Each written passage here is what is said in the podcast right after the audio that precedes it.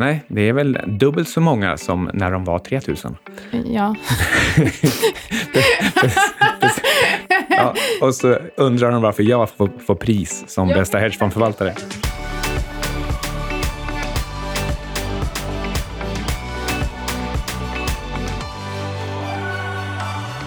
Grattis eh, Alexander Pärleros.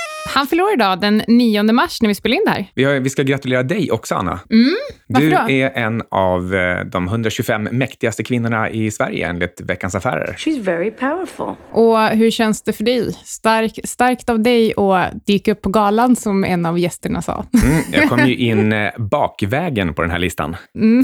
Ja, och, och, eh, och vi kom in bakvägen till själva galan. För Ja, att, så vi fick gå liksom till röda mattan Ja. genom allt mingel. Vi blev alltså insläppta av personalen på någon felaktig väg via Grand Hotels normala ingång och så fick vi jobba oss tillbaka till Royal och, eh, och, och där se ut som att vi försöker snika oss tillbaka till röda mattan. Ja, ilandsproblem för paret Syding och Svan verkar det som. Nej, tråkigt att vi blev insläppta fel väg.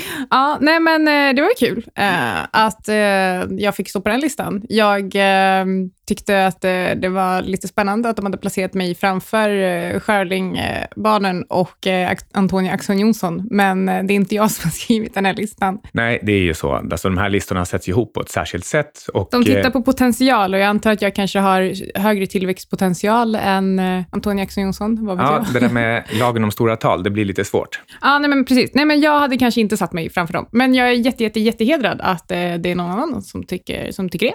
Hur som helst, vad ska vi prata om det? Ja, vi kanske ska börja med att tacka Alexander Marton som klipper det här. Den eminente Alex Marton som räddar oss i tid och Ja, otid. ja nej, men idag vi ska prata om eh, guld. Ska det upp eller ner nu egentligen? Det var ju liksom en krasch. Vi ska titta lite på, en, på bitcoin, om det finns någon intressant typ utveckling eh, inför den här halveringen. Så kommer vi prata en del om politik i bland annat Danmark, men också förstås storpolitiken i hela världen. om, om eh, Trump ska få någon slags inristning i fredsprisbucklan. Vi ska också såklart eh, snacka lite Kinas försvagning och eh, varför Fed och ECB står maktlösa. Mm, men först vill From- jag veta hur Ja. det har gått för min portfölj. Det har gått bra den här veckan. Bättre än index. Och jag har inte handlat någonting. Det, det gjorde jag inte förra veckan heller. Så nej, du ligger precis i samma positioner som du gjorde innan. Och du har slagit index den här veckan. Och ja, fortsatt mycket bättre på ett års sikt, ett halvårs sikt och så vidare. Så att eh, den här lilla nedgången i Gran Colombia Gold som vi har rätt ut senare, den drog inte ner portföljen så mycket. Inte så att det påverkade det, resultatet i helhet. Vet du vad man brukar säga i hedgefondvärlden om relativ avkastning, nu när du sa bättre än index? Nej. Man kan inte äta den. Nej, Ja, men eh, på tal om att äta du kan inte vi... äta någon avkastning. På tal om att äta så har det kommit en studie om så kallad popcornhjärna. Och det är att om man håller på med för mycket sociala medier och trading och sånt där, liksom att man eh, för mycket snabba grejer, att det liksom skulle vara dåligt på allvar eh, för hjärnan på sikt. Men en studie har visat att det inte alls gör det, så om du är tradingberoende kan du lugnt fortsätta med det. Mm, vad härligt. Så från popcorn till guld, för innan vi kör igång vårt eh, avsnitt egentligen, så vill vi faktiskt eh, tacka vår partner Pacific Fonder. Mm, det vill vi verkligen. Vi får ju ofta frågan om hur man kan exponera sig mot guld och andra ädelmetaller. Och ett sätt är ju just via vår partner Pacific Precious, eller Pacific Fonder som har hedgefonden Pacific Precious. Och eh, den förvaltas av Erik Strand som vi har intervjuat förut. Precis, och den här bonusintervjun med honom släpptes i mitten av februari. Det var faktiskt, faktiskt extremt bra respons på den. Och vi pratar bland annat om vad han tittar på när han analyserar ädelmetaller och såklart en hel del om eh, penningpolitik. Och det här avsnittet hittar ni i vår vanliga kanal. Men jag måste bara säga någonting innan, eh, innan, innan du fortsätter. Han, eh, den här fonden då har är faktiskt Avanzas me- eh, mest ägda hedgefond just nu. Så över 6 500 ägare på Avanza kan inte ha fel. Nej, det är väl dubbelt så många som när de var 3000. Brilliant. Ja. Ja, och så undrar de varför jag får, får pris som jag bästa hedgefondförvaltare. jag, jag tänkte faktiskt precis det. Varför? Ja. Mm, ja, men eh, åter till allvaret. Pacific Mm. Precious, de finns såklart tillgängliga via både Avanza och eh, Nordnet. Och eh, skulle du inte hitta dit så skickar vi ut länkar i brevet på söndag. Exakt, och har ni inte signat upp er på det så gör ni det på www.sydingsvan.com. Men tänk på att alla investeringar är förknippade med risk och värdepapper kan gå upp och ner och inget vi säger ska ses som en rekommendation. Nu vill jag prata om elefanten i rummet. Ja, Och det är inte du. Ut, ja, så att, bara så att du inte blir ledsen. Åh, Utan snällt. elefanten här, det är, det är big data Ja. och all, all dataläckage som är överallt. Mm. Och eh, framför allt så eh, blev jag lite triggad av en intervju med Pippa Malmgren när hon pratade om hur man kan använda data om hur vi beter oss, vad vi har för vanor, till någonting som hon kallar för insiktsfull handel, alltså så här insider trading då man, man vet om huruvida Micke Syding går ensam hemma en fredagkväll klockan åtta och blir sugen på glass. Om man då kan ringa på eller ha en, en, liksom en, en specifik, en individuell glassbil som hör av sig till just mig. Vi, vi knackar på i princip. jag Och- skulle vilja ha en sån champagnebil i så fall. Ja, ja, men de skulle ju verkligen kunna Det kartlägga hade dig för varit det. fruktansvärt dåligt för mig, tror jag. 21.00, knacka på dörren och så bara, Jäklar, hej, alltså. det är ju ändå liksom 21.00 nu, vi, vi, vi eh, såg att du var ens, ensam hemma, är du lite sugen på champagne? och jag hoppas att det här inte händer. det vi, kan låter- ju inte ha, vi kan ju faktiskt inte ha champagne hemma. Jag Men, det här, det här låter ju fantastiskt och plus också att det, Oklart om jag tycker det det faktiskt. knyter an till det här Fermi-filtret vi har pr- pratat om tidigare. Att när Ja. man liksom stimulerar oss på helt rätt sätt med big data som hjälp, då, Är- då, är, det, då är spelet över för mänskligheten. Är det Spotify som kommer börja leverera det här? Nej, alltså, Kommer Spotify börja le- leverera champagne till min dörr, då är det ju helt kört. spaningen här Ja. är att ett, alla företag försöker göra det här Mm. och två, alla företag verkar värderas som att de kommer lyckas med det här också. Det spelar ingen roll om du är WeWork eller Amazon eller Spotify eller, eller Voi, du vet de här sparkcyklarna, Eh, att, att de samlar in geodata om dig och därmed kan sälja den datan eller utnyttja den till att sälja saker till dig. Men på tal om värdering så hade vi ju en notering i fredags den 8 mars eh, där bolaget själva ansåg eh, att de skulle värderas till 350 miljoner kronor. Och det här var ju helt galet för att de omsatte ju liksom bara några miljoner per år och Eh, går dessutom med förlust. Och eh, den analysen som flera har gjort om det här är att eh, nu är det liksom slut på att värdera techbolag baserat på potential. Det är liksom, det investerare är inte intresserade av det längre, vilket också tyder på att man eh, kanske någonstans eh, ser över risken lite mer i sina portföljer. Hur som helst, jag tyckte att eh, den analysen var extremt intressant eh, och eh, jag tror faktiskt att det är så att den här typen av övervärderade bolag som bara värderas på potential snarare än vad de faktiskt bevisar att de kan göra. Jag tror att den eran håller på att ta slut. Ja, jag håller med. Alltså, särskilt det här med att värdera saker till perfektion, som om det inte finns någon risk. Och till exempel så vet vi att den blivande presidentkandidaten Elizabeth Warren, hon är ju på krigsstigen mot de här stora techjättarna och, och säger att hon vill begränsa den maximala omsättningen ett företag som Facebook eller Google eller liknande eh, får ha till 25 miljarder dollar bara, annars så bryts de upp. Det låter både kommunistiskt och inte. Ja, det är lite, lite speciellt. Ehm, Men, men, men Och- varför? Ja, men ja, det, alltså, på ett sätt, de har ju någon typ av monopolliknande ställning, men det är jo, svårt fast att fånga hur, upp hur, blir i det lagen. hur blir det skillnad om man delar upp bolagen och är fortfarande samma ägare? Så det blir fortfarande ett slags monopol, fast ett dolt monopol. Ja, ja, jag vet. Eh, Så det, det, det, det, det fyller ju man- ingen funktion. Det Men- blir, bara, blir bara krångligare. Men, men ändå så har man gjort det där förut, ändå ganska framgångsrikt, Eh, med att bryta upp eh, telekommonopol till exempel. Och så får de inte samarbeta, för det är trots allt det är förbjudet med kartellsamarbeten. Även om det fortfarande går att göra så är det förbjudet. Det här är ju skitsnack tycker jag. Alltså, jag förstår att det är förbjudet, men eh, i min senaste bok eh, så skriver jag faktiskt om eh, just vikten av att eh, typ någonstans eh, fokusera mer på eh, samarbeten snarare än konkurrens. Eh, och jag tror att det är dit vi är på väg att gå. Man ser ju faktiskt hur fler och fler, fler, och fler bolag snarare lyfter varandra än och skälper varandra idag och jag tror att vi kommer se mer av det. Så jag vet inte, jag tycker att den här strategin om att sätta någon slags eh, omsättningstak, jag tycker att det känns som jäkligt förlegat. Ja, men det, det är lite det som att försöka sänka räntan för att stimulera ekonomin. Jag, jag, jag, jag, tycker att hela frågan om monopol, naturliga monopol eller inte, den är svår. Man vill inte att någon ska ha så pass egen makt att de kan sätta priset helt och hållet själva. Samtidigt så är det det alla företag strävar efter. Mm. Uber till exempel, själva målet är ju att ösa ut så mycket pengar att de till slut är ensamma kvar. Och när de är ensamma kvar, då ska de kunna använda sån här surge pricing till att tjäna tre gånger så mycket och därmed få tillbaka alla hundratals miljarder de har slängt ut de senaste åren. Så, så målet är först monopol, kosta vad det kosta vill, och sen tar man betalt så mycket mer att, att, att det, det, går upp. Men till då alla konsumenters nackdel. Tror inte du att det här också till, till viss del skulle kunna döda eh, innovationspotential i större bolag? Om de inte får, man kanske inte har lust att dela upp bolaget och så vet man att, så alltså orkar man inte fortsätta utveckla saker för att man in, någonstans inte vill nå det här eh, omsättningstaket och då kan det till viss del liksom göra att man blir lite lat. Mm, ja. Alltså jag förstår, 25 miljarder, 25 miljarder dollar ja. dessutom. Det är ju skitmycket pengar. Men det är fortfarande jag vet inte, jag gillar inte den här typen av regleringar. Det gör ingen av oss, men... Eh, och jag blir lite arg. Men den lär kunna bli av oavsett och då behöver man ta hänsyn till det i värderingarna i förväg. Mm. Och ett annat exempel på sån här reglering, det gäller ju just de här Voi, där Köpenhamns kommun gick ut i veckan och sa ni får tio dagar på er, det vill säga från 5 till 15 mars, så nu på onsdag, att plocka bort cyklarna. För det är olovlig uthyrning på kommunens mark. Ta bort dem och avaktivera möjligheten att hitta dem på era appar. Ja, och om man ska koppla ihop de här två händelserna så skulle man kunna säga att eh, det här säger en hel del om liksom oväntade politiska risker som man eh, kanske inte riktigt räknar med just när man värderar bolag. Så det är viktigt att eh, ha liksom någon slags stor säkerhetsmarginal när man investerar. Mm. Och eh, som fortsättning på det politiska temat så kan man ju, eh, det är ständigt aktuellt huruvida Trump är dum i huvudet eller inte. Och min hållning, den brukar alltid vara att om du kommer så långt som eh, Trump, då är du inte dum i huvudet. Du Nej. har någonting, du kan förhandla eller du,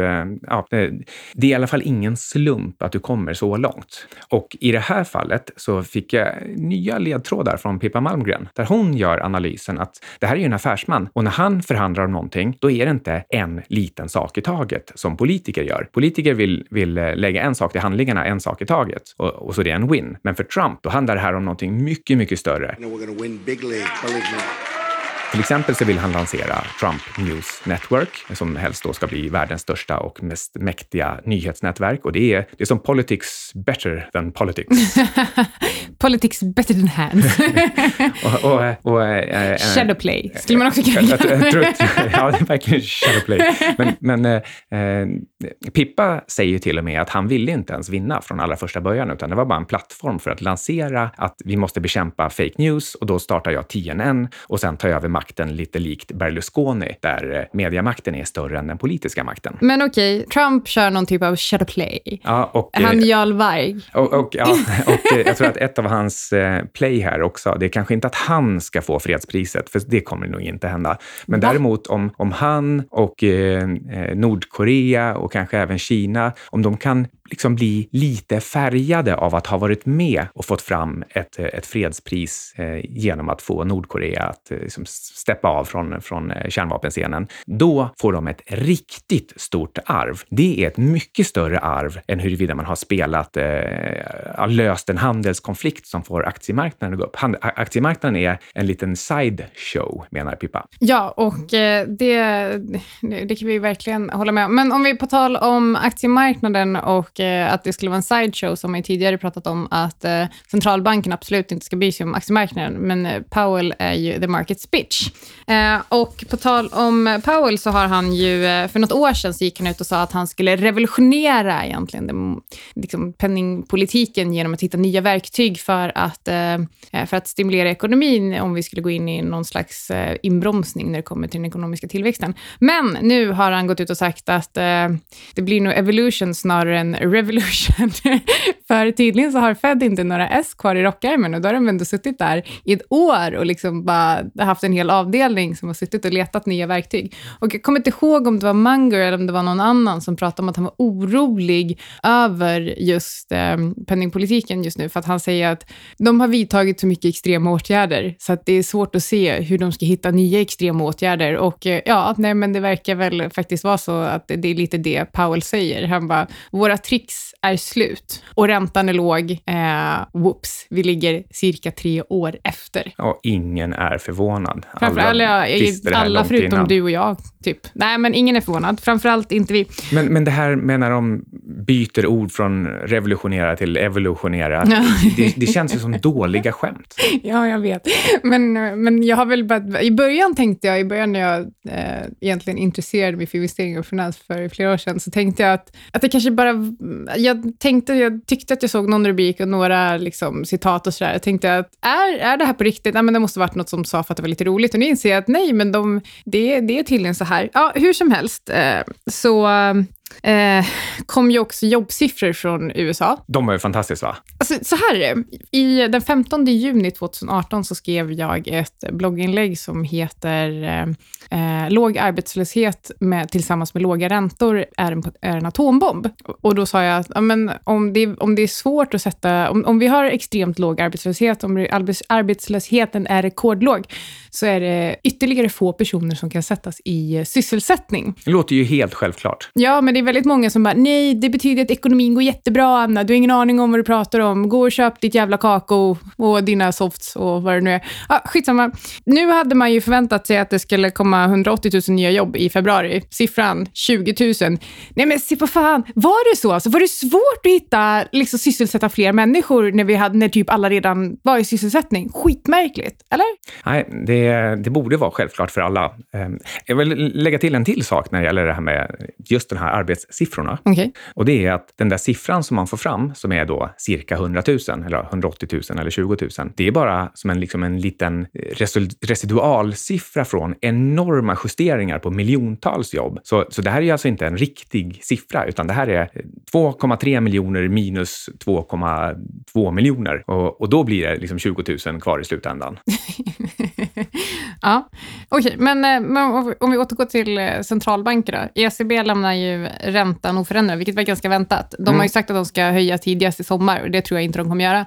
Men tycker du att centralbankerna är maktlösa? De eh, ser i alla fall inte ut att kontrollera narrativet riktigt ordentligt, utan de har hamnat bakom kurvan, som man brukar säga. Att eh, nu när det blir svagt igen, trots att de inte ens har hunnit börja höja på allvar, ja, då, då blir de tvungna att, eh, att bli ännu mer stimulativa igen. Och då har de blottat sig och visat att, att vår politik fungerar ju inte. Vi kan aldrig normalisera den, utan det blir, det blir svagt på riktigt direkt. Och trots att eh, ECB dessutom införde nya såna här, vad heter de, LTRO-lån, någonting, mm. en, en, typ av finansiering där bankerna kan slänga in värdelösa tillgångar och få, få ut kontanter. Det gick inte jättebra för bankerna. Nej, alltså trots, trots den här nya stimulansåtgärden, som i och för sig hade man pratat lite grann om den innan, men, eh, men det räckte inte. Utan tvärtom så verkar det signalera att om det är så här dåligt, då, eh, då kanske bankerna är helt utom hopp. Så för en gångs skull när du kommer med nya stimulansåtgärder så störtdök ju bankerna den dagen.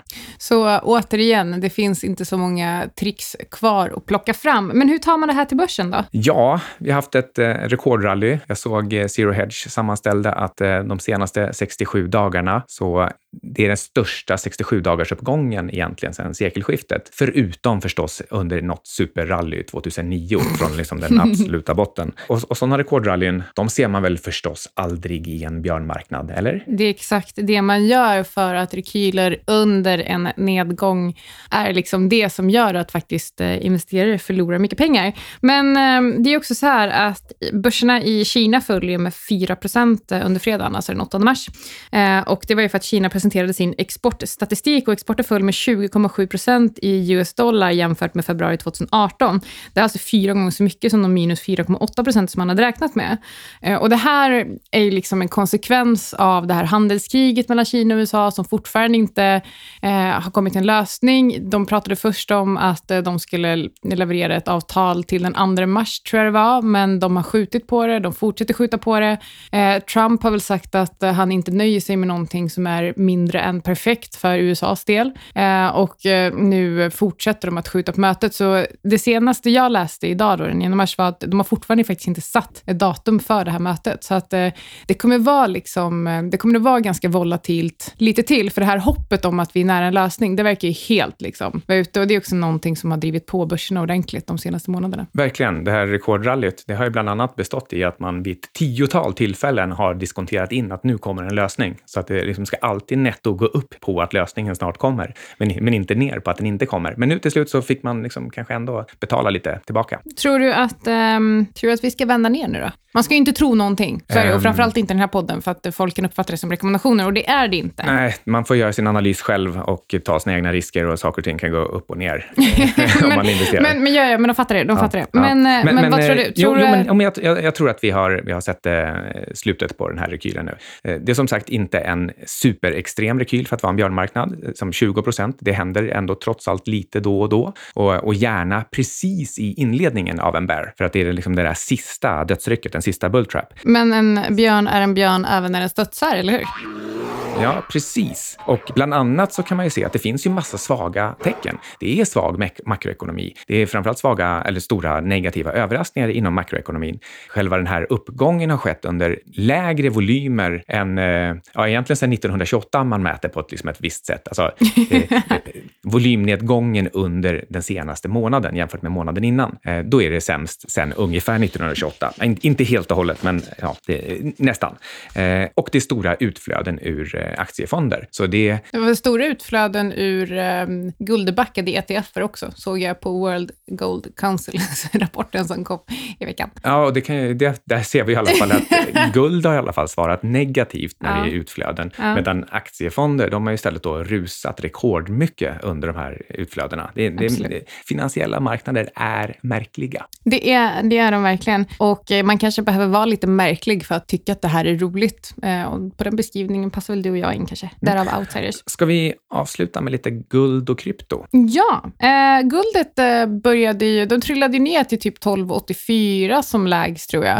Eh, om det inte var ännu lägre. Det kanske var lite lägre i Ja. intradag. men, ja, eh, precis. Men eh, stängning. Men i alla fall, nu börjar de klättra upp igen mot eh, 1300 US dollar per ounce. Ja, den var till och med, 12, den var till och med strax över 1300 i intradag. intradag, Ja, ja, och sen stängde den precis under 1300 eh, för veckan. Och, och det här är väl, ja, det lite positiv studs i det där, men det är ändå inte, jag tror Eric Townsend pratade om att det är 1304 som är någon typ av viktig nivå och det var just när man gick under 1304 som det bara rasade direkt till 1284. Och nu orkade vi inte upp över 1304, så ja, kanske betyder det någonting. Men nu ska jag klart för oss att Eric Townsend är kortsiktigt Negativ. Ja, han är, han är bearish eh, optimistisk. Alltså han, Han, tror vill... att vi ska ner till 1000 för han vill köpa mer på 1000 dollar. Precis, och den där typen av önsketänkande, det går ju aldrig. Han tror ju att den ska upp till 5000 sen. Så varför sitta och hålla tummarna för att den ska gå från 1200 till 1000 om den sen ska till 5000? Nej, det är jättemärkligt. Eh, eller ja, märkligt är det väl inte. Ja, lite men, onödigt. Ja, Onödig onödigt risk. är väl han, kanske han, ett bättre kommer, ord. han kommer ju sitta liksom och slita sitt hår om han missar den här nu. Men eh, från guld till eh, krypto då? Mm. Tror du, är våren på ingång? Ja, vi, vi har väl Vintern indikerat det eh, tidigare, att eh, någonstans här nere, det var där det riktiga rallyt, FOMO-rallyt, började för ett par år sedan. Och när vi nu till slut har skakat ut alla svaga pengar och kommit ner till de här nivåerna igen, ja, någonstans här så, så börjar det bli dags att bygga, bygga en botten och det handlar mest om att den ska vara här nere tillräckligt länge, tror jag. Och nu har vi fått lite tecken, för dels så i maj så kommer en sån här halvering, alltså man får eh, färre bitcoin i belöning för att man, man hittar de här kryptonycklarna. Ehm, och, och för att det då ska bli lönsamt att, att mina bitcoin så måste det vara högre priser. Alltså priserna måste eh, inte riktigt dubblas, men kanske gå från 3 5 till 5 000 för att det ens ska vara lönsamt att mina bitcoin. Och, och det där har liksom tenderat förut ändå till att kunna leda priset upp. I alla fall hitta någon annan typ av eh, högre botten kanske. Och så såg vi också statistik på att eh, till slut så har eh, marginalerna för bitcoin, alltså bitcoin miners, de har tickat upp lite grann eh, senaste, om det var veckan veckan eller månaden. Så lite soliga tecken för Mm, eh, krypto. Man kanske ska månadsspara i, i bitcoin härifrån och framåt. Liksom Ja. Sakta men säkert eh, tuggas in i den. Ja, men eh, så vad har vi avhandlat idag egentligen? Vi har snackat geopolitik, vi har snackat eh, Kinas export, vi har pratat Pippa Malmgren, vi har pratat, eh, ja men Trump eh, faller väl under geopolitik då, men eh, och eh, guld och eh, bitcoin. Mm, och kanske också övergripande, ska man låta data eller kurser styra? Ska man titta på fundamenta eller ska man bara kastas runt av kursutvecklingen? Det finns inget svar. Eh, Nej, både och. Exakt. Och hitta ett sätt som funkar för dig. Och tycker att det är svårt, köp inte enskilda tillgångar. Det är Mm, liksom, mm. Ta, inget, ta inget råd från någon, men, eh, men eh, fundera över det i alla Ja, och ta inte skit från någon heller. Wow, okej. Okej, men då har Det är du... vad jag tar med mig från det här avsnittet i alla fall. Du har lyssnat, Lyssnat på, på Outsiders Outsiders. med Syding och Svan. Säger ni?